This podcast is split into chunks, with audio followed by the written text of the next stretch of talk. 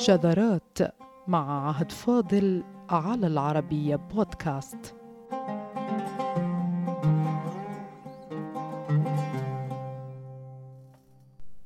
إذا أردنا أن نعظم في الشيء نستعمله.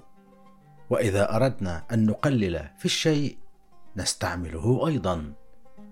به نعبر عن تعظيمنا لما نحب ونجل وبه أيضا نعبر عن تقليلنا من شان أو حجم ما لا نحب ولا نجل. تناقض صارخ في الظاهر إنما هو من أسرار وبدائع العربية. التصغير به يكبر الشيء وبه يصغر ويقلل من شأنه. فما هو سر التصغير في اللغة العربية؟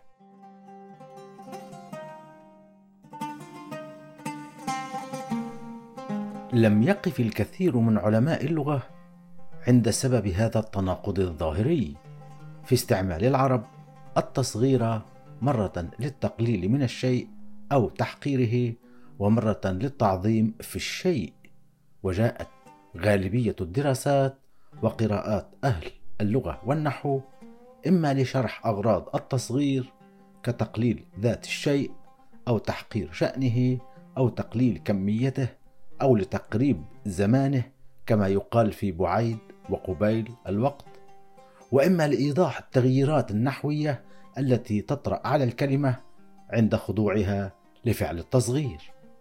وأشهرها الضم في أول المصغرات وفتح ثانيها وجلب ياء لها كقبيل وبعيد ورجيل وبني وبنية وحسين. أما كيف التصغير للتقليل والتحقير؟ وبالوقت ذاته التصغير للتعظيم والتكبير فلم يتطرق لها إلا عدد قليل للغاية حتى نسيت المسألة ولم تعد سؤالا يسأل. ما سر التصغير في اللغة العربية؟ نعظم به الشيء ونحط من قدره بأداة لغوية واحدة.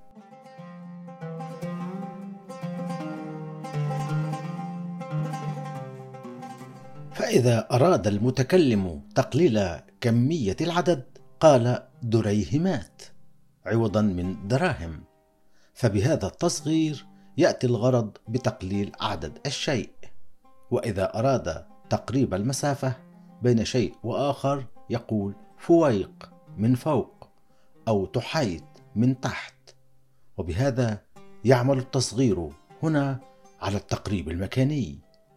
أما إذا أراد التقريب الزماني فيستعمل التصغير فيقول بعيد ذلك الوقت أو قبيل ذلك الوقت. فيعمل التصغير الزماني هنا على تقريب الزمن وتقليص مساحته.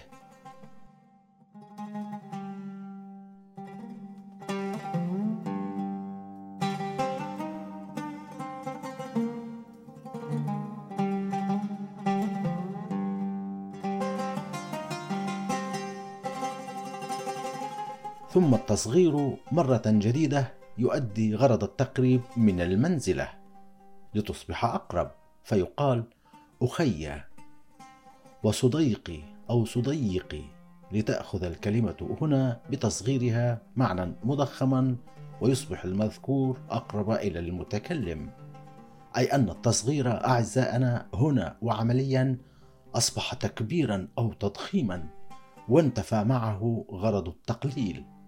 التقليل الذي هو الوجه الأبرز للتصغير في اللغة العربية.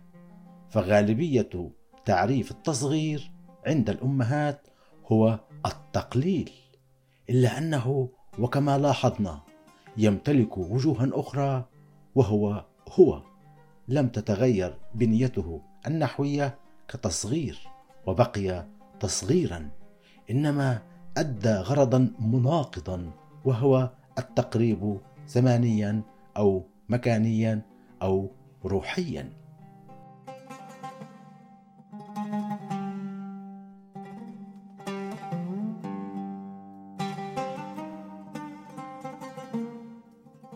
ونجد في العاميات العربيات المنتشرة الآن تصغيرا للصغير نفسه وقد أجازه اللغويون والنحويون. فيقال في اللهجة المصرية مثلا عن الشيء إنه قليل أو بالعامية قليل والأشياء قليلين وبالعامية قليلة وهو مجاز وقد صغرته العرب كما اقتبس أبو حيان الأندلسي في ارتشاف الضرب. يقول إن ترينا قليلين من القلة أعزائنا وهي تصغير القليل. والتعبير الفصيح لا يزال دارجا في العامية المصرية فيقال حبة قليلين أو شوية قليلين وبالفصحى قليلين أو قليلة أو قليلة.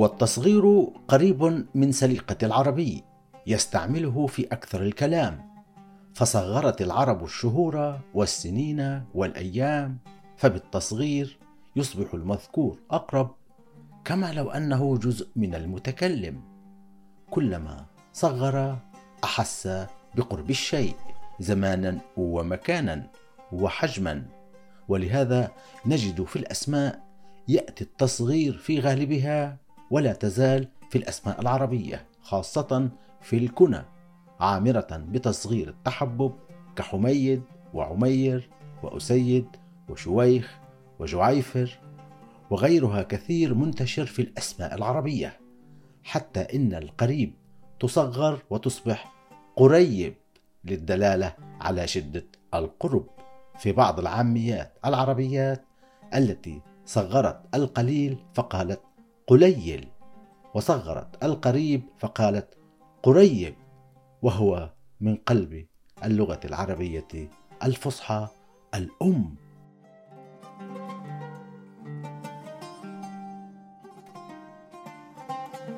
وفيما درج التصغير بصفته الأشهر على أنه للتقليل من الشيء والحط من القدر قالت العرب بالتصغير حبا وتأنسا وتحببا بالشيء فمثلما صغرت الأسماء تقربا وزلفى فقد صغرت الأيام للغرض نفسه فالأحد أحيد والاثنين ثنيان وعلى هذا المنوال فأيام الأسبوع ثليثاء وأريبعاء وخميس وجميعة وسبيت.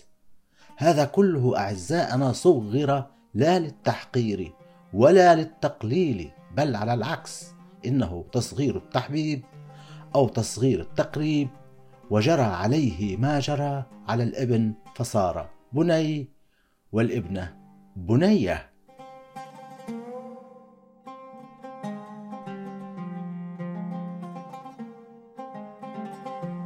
في التصغير ما لا يرتبط بعلم اللغة وحده فحسب إنه قضية تتداخل فيها علوم إنسانية كثيرة. فمثلا عند العرب يأتي تصغير السن ليزيد في حجم حسن الممدوح فيقال ما أحيسن فلانا؟ حيث أدى التصغير هنا تعظيم الحسن كما يقول رؤساء العربية ويضيفون وبالحرف مع دلالته على تصغير سن صاحبه أي أن التصغير هنا في أحيسا أعطت معنى تعظيم الحسن بتصغيره إنما بتضمين صغر سن الممدوح. هكذا تنتقل القضية من لغويتها إلى شبكتها الثقافية إذ نقل عن أحد أقدم رواة ولغويي العربية وهو يونس بن حبيب ما بكت العرب على شيء بكاءها على الشباب هنا يمكن أن نفهم السياق الذي يجعل تصغير السن زيادة في الحسن. ولهذا فما بكت العرب على شيء بكاءها على الشباب. فاذا ما أحيسن كذا وكذا تعظيم للحسن مع دلالته على تصغير سن صاحبه كما ينتهي الرؤساء.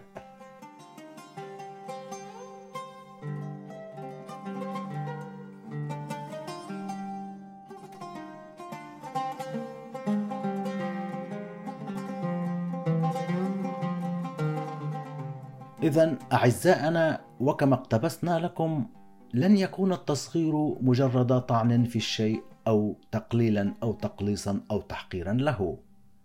إنه مجموعة من الأغراض في حدث لغوي ونحوي واحد. يدعى التصغير الذي مرة يقلل ويحقر في المخاطب ومرة يتودد إليه به ومرة يتقرب منه وبه أيضا. ومرة يقرب زمنه ومكانه ومرة يعظمه. ومما قاله أبو الطيب المتنبي في تصغير التحقير أذم إلى هذا الزمان أهيله فأعلمهم فدم وأحزمهم وغد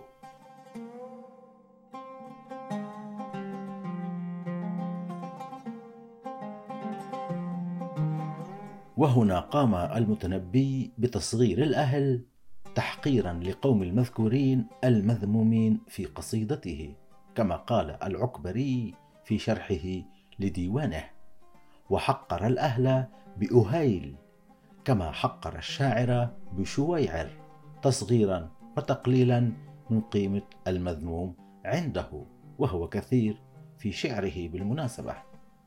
لكن أهل العربية الذين رأوا في تصغير أهل تحقيرا عند المتنبي.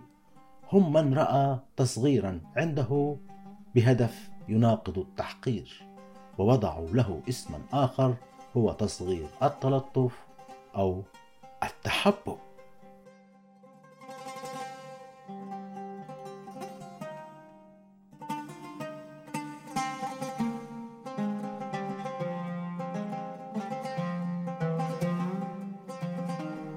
لكن كيف جرى؟ وعمل التصغير على تحقير الشيء أو التقليل من حجمه أو عدده أو قدره ثم قام بفعل التعظيم له في الأداة اللغوية ذاتها أي أن التصغير في اللغة العربية يقوم بالتقليل وبالتكبير معا. فما هو السر الذي مكن التصغير؟ من أن يقوم بهاتين المهمتين المتناقضتين في الوقت نفسه. مع العلم بأن التصغير أخذ الكثير من أمكنة الكتب والمصنفات فعرف ووضعت له الضوابط والأنواع. ومع أن كل مصنف وقع على تصغير التحقير ثم تصغير التعظيم لم يقف عند هذا الوجه البديع في اللغة العربية. وكيف أتى وعلى أي أساس. هو تصغير فكيف صار تعظيما؟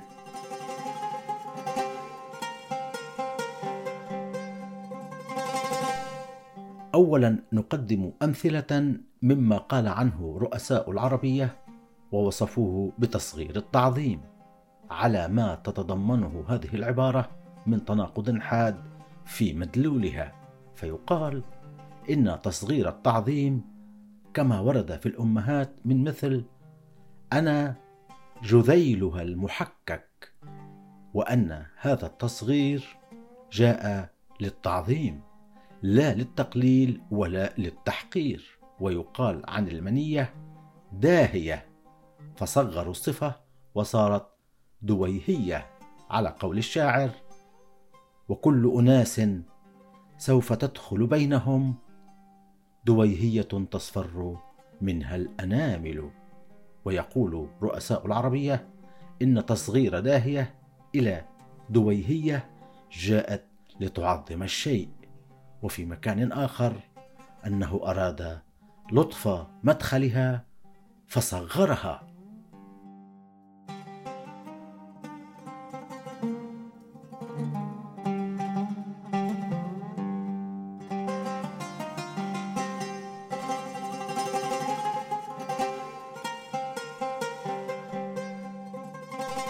وعبارة تصغير التعظيم كما هي اصطلاحا وردت بكاملها أعزائنا عند الجرجاني في كتاب وساطته بين المتنبي وخصومه وهو من أشهر ما وضع عن أبي الطيب في هذا الباب.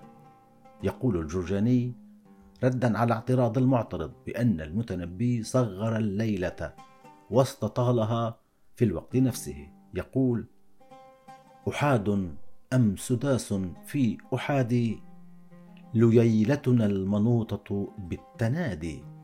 فسرد الجرجاني ردا على هذا الطعن هذا تصغير التعظيم والعرب تفعله كثيرا. فكيف أعزاءنا فعلته العرب؟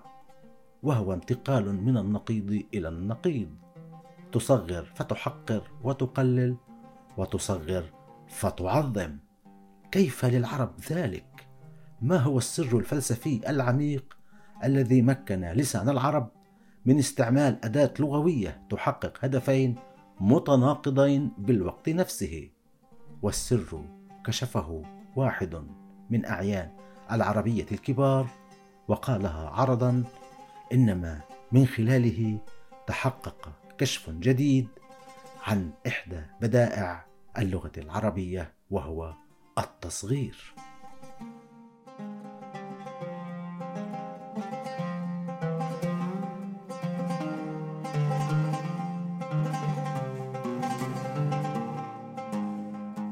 ابن سيدة علي بن إسماعيل هو أحد رؤساء العربية في القرن الخامس للهجرة وترك مصنفات صارت من عيون علم اللغة التي لا يمكن لطالب العربية أن يتجاوزها كالمحكم والمخصص إلا أنه وفي كتابه الذي يشرح فيه بعضا من أبيات شعر المتنبي تعد من البيوت الإشكالية في الشعر.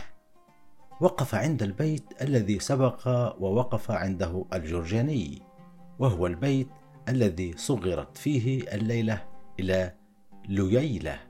وفي الوقت نفسه استطالت أي نقيض محتوى التصغير وسماه الجرجاني تصغير التعظيم الذي فعلته العرب كثيرا كما قال لكن كيف شرحها ابن سيدة؟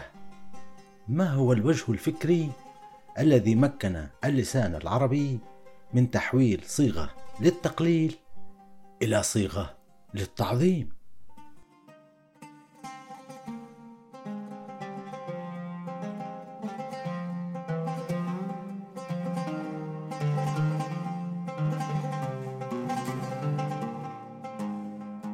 طبعا أعزائنا وكما فعل الجرجاني فعل ابن سيده فقال إن أبا الطيب قد صغر ليلة تصغير تعظيم إلا أن الإضافة التي انفرد بها ابن سيدة هو التعليق الذي خطه على فكرة تصغير التعظيم.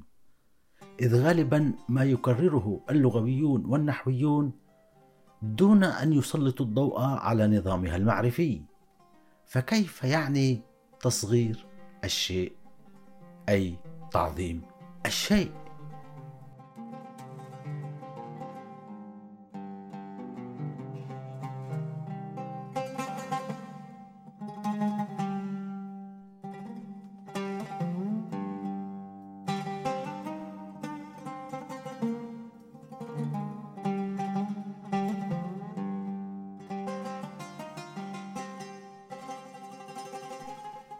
قال ابن سيده لييلتنا صغرها أي المتنبي تصغير تعظيم كقول الشاعر فويق جبيل شاهق الرأس لم يكن ليبلغه حتى يكل ويعمل. فقال جبيل والجبل الذي هذه حاله ليس بجبيل إنما هو جبل والكلام كله لابن سيدة. فماذا قال تفسيرا وتعليلا لهذه الظاهرة العجيبة تصغر لتعظم؟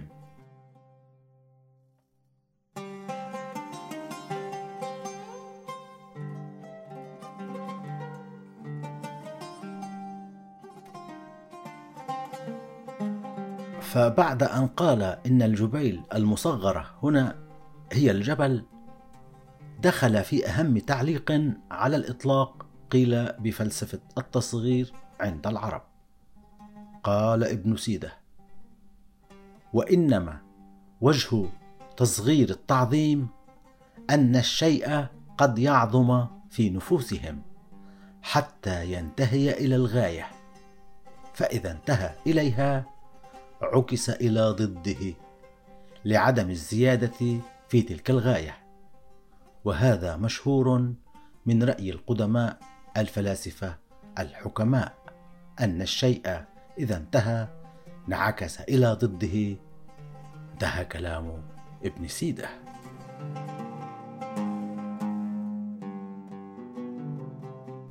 ونلاحظ معكم أعزائنا أن ابن سيدة استند إلى الفكر الفلسفي لتفسير ظاهره تصغير التعظيم عند العرب. ولم يستند إلى النحو أو علم اللغة. ذلك أن النظام الذي حكم اللسان العربي للقيام بعملية تصغير التعظيم أساسه فلسفي خالص وهو أن الشيء إذا وصل إلى أبعد نقطة له من الاكتمال والتمام ولم يعد بالإمكان الزيادة عليه تأتي الإضافة بتحويله إلى النقيض. فاستعمل ابن سيدة القانون القائل بأن الشيء إذا انتهى أي إذا وصل إلى غاية تمامه انعكس إلى ضده. وهذا هو سبب حصول ظاهرة تصغير التعظيم كما قال ابن سيدة.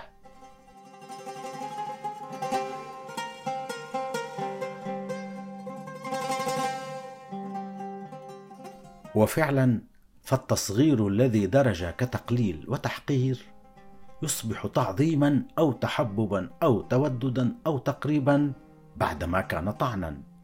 فأخي أخي وابني بني وابنتي بنيتي وصديقي صديقي ذلك أن معاني كل واحدة من ذلك وصلت إلى كمال مدلولها فجنح اللسان إلى تصغيرها ليعظمها بعدما وصلت إلى غايتها من خلال انعكاسها في النقيض.